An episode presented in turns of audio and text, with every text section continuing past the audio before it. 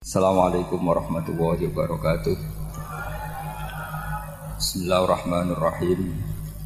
Tabarakalladzi nazzala al-furqana ala 'abdihi liyakuna lil 'alamin nadhira. Allahumma shalli wa sallim ala sayyidina Maulana Muhammadin wa ala alihi wa sahbihi asma'in nama ba'du. Yang sangat saya hormati semua pengurus wilayah Nahdlatul Ulama Jawa Tengah Wabil khusus Ki Haji Ubaidillah Sodaqah Eh, teman saya juga guru saya, putra guru saya Kiai Haji Abdul Ghafur Maimun. Saya mau cerita sedikit tentang sanat. Jadi uh, buyut saya kandung itu namanya itu Hafsoh.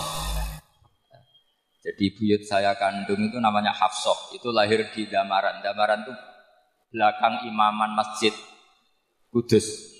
Hanya sekitar 30 meter dari imaman masjid Kudus itu punya bapak namanya Maksum, punya bapak namanya Soleh. Soleh itu bin Kiai Haji Asnawi Sepuh. Nah yang Mbak Soleh saya itu, saya generasi ketujuh dari Mbak Soleh itu. Jadi pas ketujuh, kalau, kalau ke delapan itu sudah kata orang-orang kaya gitu. Kenapa kamu miskin? Generasi ke delapan katanya.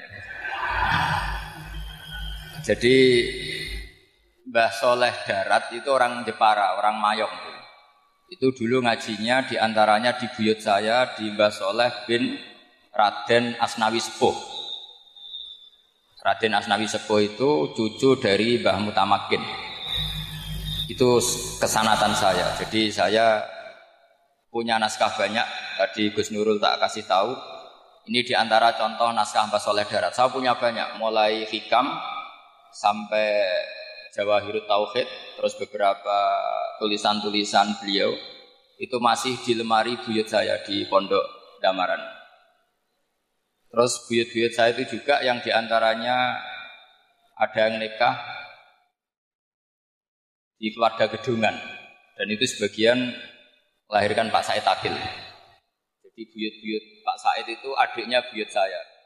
Tapi kalau saya dengan beliau itu sepuh beliau. Jadi kalau saya manggil Pak Said itu kira-kira kalau nggak paman ya mbak. Kenapa saya cerita ini? Karena di antara ikatan sanat itu zuriatam ba'duha min ba'd. Ada keterikatan cara berpikir berdasar sanat. Tadi seperti yang dikatakan moderator, laulal isnadu laqala man sa'a masa. Andai kan tidak ada sanat, maka orang akan berpikir agama sesuai maunya. Dan itu bahaya sekali. Karena agama ini riwayat seperti tadi yang dikatakan inna hadzal ilma dinun fangduru amman ta'khuduna dinakum. Saya punya sekian contoh cara berpikir sanat dan cara berpikir rasional. Di akhir Ihya itu ada cerita tentang rojak. Dan ini pasti di luar dugaan sampai. Karena sanat itu cara berpikir itu ya ikut saja. Yaitu ada dua orang ahli neraka dipanggil Allah. Dipanggil Allah dalam keadaan di borgol. Ditanya sama Allah. Enak di neraka. Jawabannya pemuda itu ya, wah Gusti ya, di neraka kok enak, ya jelas gak enak. ya sudah, kamu kembali lagi ke neraka. Dugaan kita kan pasti anak ini gak mau. Ternyata enggak, dia lari sekenceng-kencengnya menuju neraka. Semangatnya Masya Allah. Makanya ini sekaligus ijazah. Kalau disuruh masuk neraka yang apa? Semangat. Oh itu Tuhan akhirnya tanya, loh kamu tak suruh ke neraka kok semangat? Gusti saya ini sudah kapok. Ketika di dunia kalau jenengan nyuruh sholat saya lelet. Jenengan menyuruh kebaikan saya lelet. Sebagai bentuk kapok saya, menyuruh saya ke neraka saya semangat. Supaya saya nurut. Barokahnya semangat menuju neraka. Ya sudah di surga saja.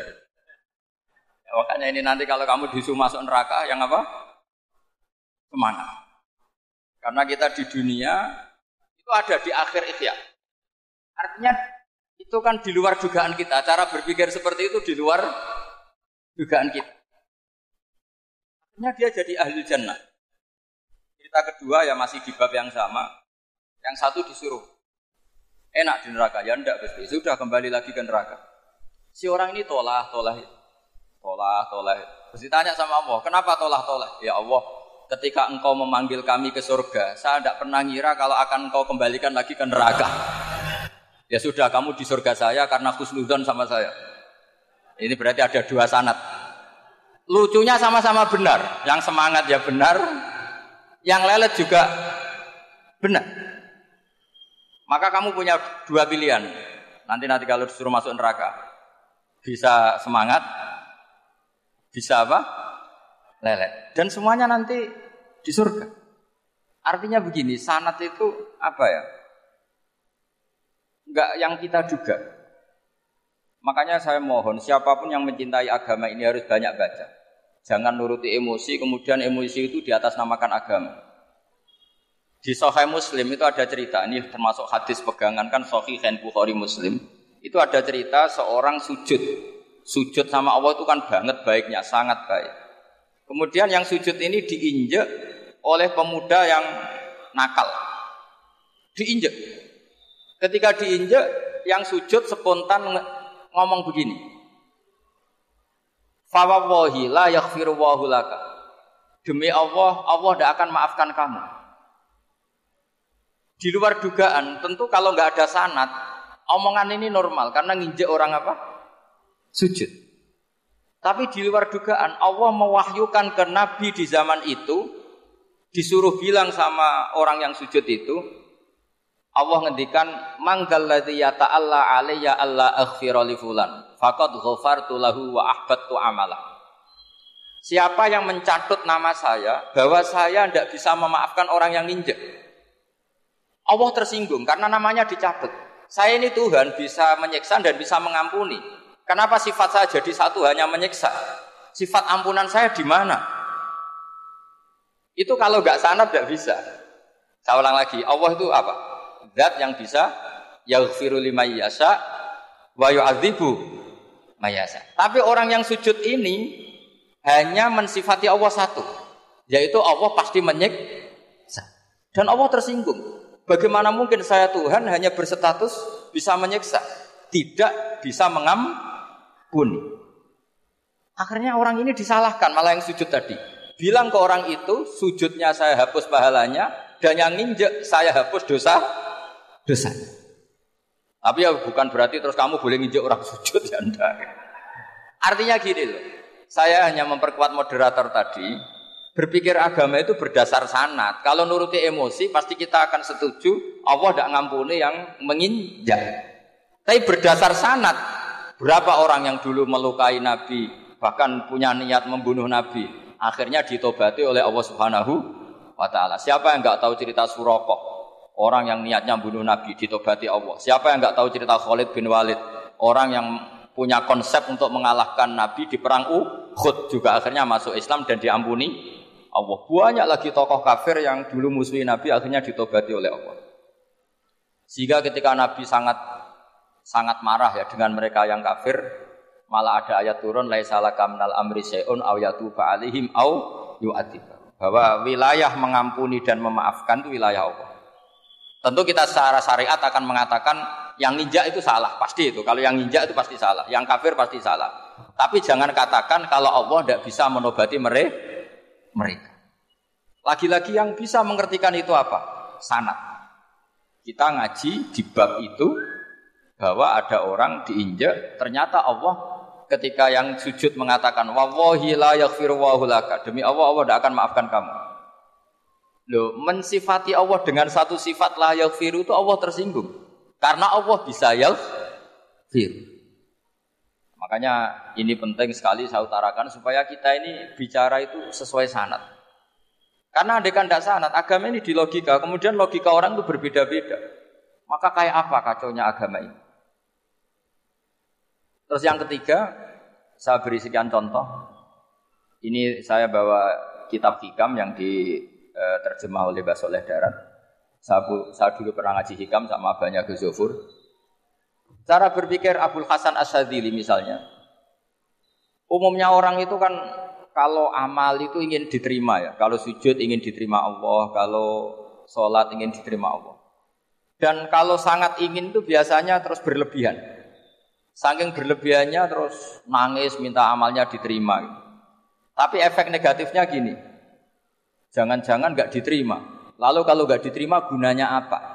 Ini buruk sekali kalau mulai tanya sujud saya jangan-jangan nggak diterima. Kalau nggak diterima gunanya apa? Itu menurut Abdul Hasan Asadili itu pertanyaan dari setan. Bagaimana mungkin kita pernah menyesal atau menyesali sujud yang pernah kita lakukan untuk Allah Subhanahu Wong dadi kawulane Allah, wis dikai bumi, dikai oksigen, dikai rezeki, tahu sujud, bareng dikasih tahu Jibril, sujud kamu gak diterima. Wah, getun aku sujud be Allah. Masa sujud sama Allah get, getun. Maka kata Abdul Hasan Asadili begini, Kafa bika jazaan an kalaka ahlan. Cukup sebagai balasan dari Allah yang luar biasa, kamu ditakdir sujud. Woi, keren. Coba kalau kamu nanti ketemu Allah, ada orang yang sama sekali di bumi gak pernah sujud. Lalu kamu ketemu Allah sujud berkali-kali, kemudian dapat kabar kalau sujud kamu gak diterima. Pantas mana kira-kira? Pantas yang pernah sujud apa pantas yang gak pernah sujud? Pantas yang pernah sujud. Sehingga pikirannya pula Hasan Asatili. Sudahlah kamu bahagia saja karena kamu ditekdir pernah sujud. Itu satu anugerah Allah yang luar biasa. Kamu gak perlu terganggu, diterima apa gak diterima. Karena kalau kamu terganggu itu, nanti lama-lama mengatakan apa gunanya sujud kalau tidak diterima. Dan itu setan menang kalau sudah ada pertanyaan, apa gunanya sujud? Nah, makanya disebut min syarril waswasil khannas. Kata Abdul Hasan Asadili, waswas di sini adalah setan ngeridu kamu supaya kamu ngeset semua ibadah kamu jangan-jangan kamu gak diterima. Kemudian kamu menyesali semua ibadah yang pernah kamu lakukan. Betapa buruknya kita. Wong ngamal apik kok disesah, disesat. Makanya saya ini sebagai kiai itu termasuk kiai yang paling sukses ya. Betul. Karena perasaan saya itu sudah sukses dulu sebelum nyata sukses apa enggak, enggak penting. Saya sering motivasi santri yang ngapalkan Quran 10 tahun enggak apal-apal. Nanti kalau ketemu Allah tetap keren. Pernah ngapalkan kitab saya? Pernah Gusti. Hafal tidak. Tapi kan keren pernah menghafalkan. Daripada sampai nanti tanya, pernah ngapalkan Quran? Tidak. Kok apal lagu dangdut? Nah, itu posing sama jawabnya. Tapi kalau santri saya pernah ngapalkan, pernah gitu. Di mana di Guswa? Apal? Enggak. WD saja enggak. Tapi saya mencintai kitab engkau dan bukti cinta saya tak hafalkan. Cuma nasib tidak membiak saya Gusti kan masih lumayan itu. Daripada ditanya, pernah ngapalkan Quran? Tidak Gusti. Jebule apal lagu dangdut, yang ibu-ibu apal harga cabai, naik turunnya harga berambang. Ini harga sembako hafal, tapi kalau Quran tidak hafal. Nah, pikiran-pikiran kayak Abdul Hasan Asadili itu harus kita kembangkan. Makanya saya suka sekali ketika Mbah Mun yang sekarang diteruskan Gus Wafi e, meresmikan Toreko Sadiliyah. Ya cerminannya kitab Hikam itu yang diterjemah Mbah Soleh Darat. Karena Hikam adalah murid Abdul Abbas Al-Mursi. Beliau adalah murid Abdul Hasan apa? Asyadili. Jadi gampangannya kalau sampai ingin tahu cara berpikir Abdul Hasan Asyadili itu ngaji hikam. Karena hikam itu cucu muridnya Abdul Hasan apa? Asyadili. Dan itu cara berpikir gampang sekali. Misalnya hubungan dengan Allah. Ilahi kullama akhrosani lu'mi antokoni karomuka. Ya Allah, ketika saya terbungkam oleh kesalahan-kesalahan saya, sampai saya ini merasa tidak pantas minta, tidak pantas memohon sama engkau karena dosa saya banyak. Tapi kata beliau, antokoni karomuka. Tapi saya berani melafatkan doa itu berdasar rahmat kamu tidak terbatas. Dan itu indah sekali kata-katanya. Ilahi kullama akhrosani lu'mi antokoni karomuka. Jadi kullama akhrosa. Sekirane bungkam. Bisokno. Ya nafsula taknati min zallatin azumat innal kabaira fil ghufrani lamami. Jadi yang seperti yang dikatakan tadi, Gus Ubaidillah tadi. Ya sudah kadang ada baron saya ada busiri ya saya tidak tahu. Karena bacanya innal kaba irofil hufroni lamami la alla rahmata rabbihi na yaksimuha ta'ti ala hasabil isyani fil kisami. Itu ada orang terlalu fanatik kebaikan. Datang ke Abdul Hasan Asyadzali gerutu karena dunia ini sudah kacau balau. Banyak maksiat banyak macam-macam. Apa jawabnya Abdul Hasan Asyadzali? Man ahabba alla yusawahu fi ardi Fakot ahabba Allah tadhara maghfiratu. Jadi malah dibalik. Kalau kamu ingin dunia ini steril, nggak ada apa-apa, berarti kamu tidak suka akan kelihatan maghfirahnya Oh. Jadi sanat-sanat seperti ini harus kita jaga. Meskipun tidak kita manfaatkan untuk kepentingan hadun nafsi, tapi kita harus kita jaga. Jika kita jadi orang itu tidak terlalu sepaneng dengan pikiran kita, bahwa maksiat itu pasti mendatangkan adab. Kok kamu katakan pasti itu buktinya apa?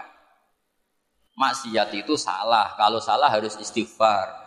Maksiat itu salah, tapi Allah bisa saja mentobati yang maksiat kemudian jadi orang ba baik. Karena Allah tetap bersifat yaghfiru lima yasa wa yu'adzibu mayasa. Kok kamu katakan pasti-pasti itu sanatnya dari mana? Jadi ini pentingnya sanat ya. Jadi kita harus terus menjaga sanat ini supaya cara berpikir agama sesuai garis yang pernah ditulis oleh para ulama yang semua itu musalsal ila Rasulullah Shallallahu alaihi wasallam. Terus ini uh, mumpung ini di depan Gus juga ini pernah tak baca di depan putra-putra beliau di depan anak-anak. Ini nanti saya hadiahkan ke PWNU Jawa Tengah. Saya nulis kitab ini sebagai bentuk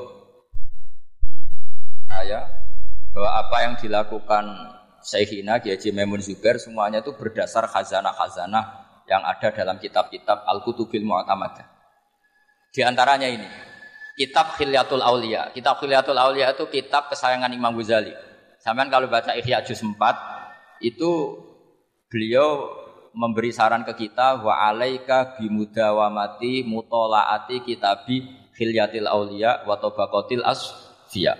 Karena Imam Ghazali e, fi manaqibil akhyar itu nginduk kitab Khilyatul Aulia, karangannya Abu Nu'aim Al-Asfihani. Kalau di tasawuf beliau nginduk kitab namanya Kutil Kulub, karangannya Abu Talib Al-Makki. Kalau di fikih tentu beliau nginduk gurunya sendiri Imamul Haromen, yaitu Nihayatul Matlab fi Dirayatil Madhab. Ini saya beri contoh kenapa Mbah Mun, Kiai Ubaidillah, semua tokoh-tokoh NU cara perilaku itu santai rileks tapi terarah. Ini saya beri contoh. Ini riwayat dari Sofyan bin Uyainah, termasuk gurunya Imam Syafi'i. Ini halaman halaman 24. Ya ini di halaman 24 saya terangkan An Sofyan bin Uyainah kana Isa wa Yahya alaihi wassalam ya'tiyanil qaryata fayas alu Isa an syirari ahliha wa yas'alu Yahya an khiyari ahliha Faqala lahu Yahya, lima tanzilu ala sirorin nas, qala innama ana tabibun udawil mardo. Ini di juz 7 halaman 323. Jadi mulai dulu ulama itu ada yang fokus ngelola orang-orang soleh. Tapi ada juga yang mendokteri orang-orang yang macam-macam. Nabi Isa itu kalau di satu daerah tanya, di sini yang orang nakal-nakal di mana? Oh di situ. Terus beliau ke situ. Ditanya Nabi Yahya, kenapa ke situ? Saya ini Nabi. Nabi itu biman zilati tobib. Saya ini ibarat dokter. Tentu dokter itu yang menyembuhkan orang-orang yang sah, yang sakit. Jika kiai-kiai kita itu ya kancanan orang soleh ya mau, bina orang fasik ya mau. Nah yang nggak boleh itu yang potensi katut fasik, itu nggak boleh. Jadi apa ya supaya kita itu melihat sesuatu itu tidak seudon kiai kok berteman orang fasik. Saya berkali-kali bilang berteman orang fasik itu haram. Tapi kalau dibalik pertanyaannya, membina orang fasik hukumnya gimana? Baik, bisa membina kalau berteman. Ya sudah dibuat balik gitu. Tapi kalau dibalik, berteman orang fasik menjadi fasik. Ya jangan berteman kalau buatnya masih seperti itu. Ya terus saya teruskan ya. Sayyidina Umar itu terkenal orang yang sangat keras. Sayyidina Abu Bakar terkenal orang yang lain al janib, orang yang sangat santun, sangat sopan. Tapi anehnya ketika Abu Bakar mau wafat, itu khilafah atau khalifah itu diwasiatkan supaya yang mimpin itu Umar. Padahal orangnya sangat keras. Tapi yang jarang diketahui publik adalah ngiranya Umar keras itu wataknya. Ternyata enggak. Di sini diterangkan Umar wataknya itu sebetulnya bisa memilih keras atau halus. Ini saya baca ya di halaman 25. Beliau ditanya oleh Abdurrahman bin Auf. Terus beliau menjawab, "Ya Abdurrahman, Wallahi laqad lintu linnasi hatta khasyitu wa fil lain. Tsumma staddattu alaihim hatta khasyitu wa fi siddah. Fa ainal makhraj? Terus di sini saya terjemah, saya saat lunak juga takut sebab lunak bisa dianggap pembiaran, tapi saya juga takut Allah saat keras sebab keras jangan-jangan termasuk tanfir, orang lari dari kebenaran. Ya misalnya gini, sampean punya anak putri atau punya ponaan pacaran datang ke kamu sama cowoknya. Kalau kamu lunak, pasti keponakan kamu ngira, wong Pak D gak apa-apa. Padahal Pak D saya itu kiai, ternyata saya gak ditegur. Lunak itu punya akibat dianggap pembiaran terhadap maksi. Ya. Tapi kalau kamu keras, Oh, anak nggonku tak wantemi watu. Kan nggak pernah ke kamu. Bagaimana bina wong sowan saja gak berani. Artinya efeknya sama. Terlalu lunak ya punya efek tidak bisa bina, terlalu keras juga punya efek tidak bisa bina. Maka kata Sidina Umar, "Fawallahi laqad lintu linnas hatta khasyitu wa fillan." Artinya saat bersikap lunak saya takut Allah karena lunak bisa dianggap pembiaran terhadap maksiat. Sumastatat tu alaihim hatta khasyitu wa Ketika keras saya juga takut karena kalau terlalu keras bisa tanfir, bisa orang lari dari kiai, dari orang so, soleh. Makanya dalam guyonan-guyonan ulama itu ada preman jagongan di orang-orang fasik. Ditanya, kenapa kamu jagongan sama orang fasik? Kenapa tidak jagongan sama orang soleh?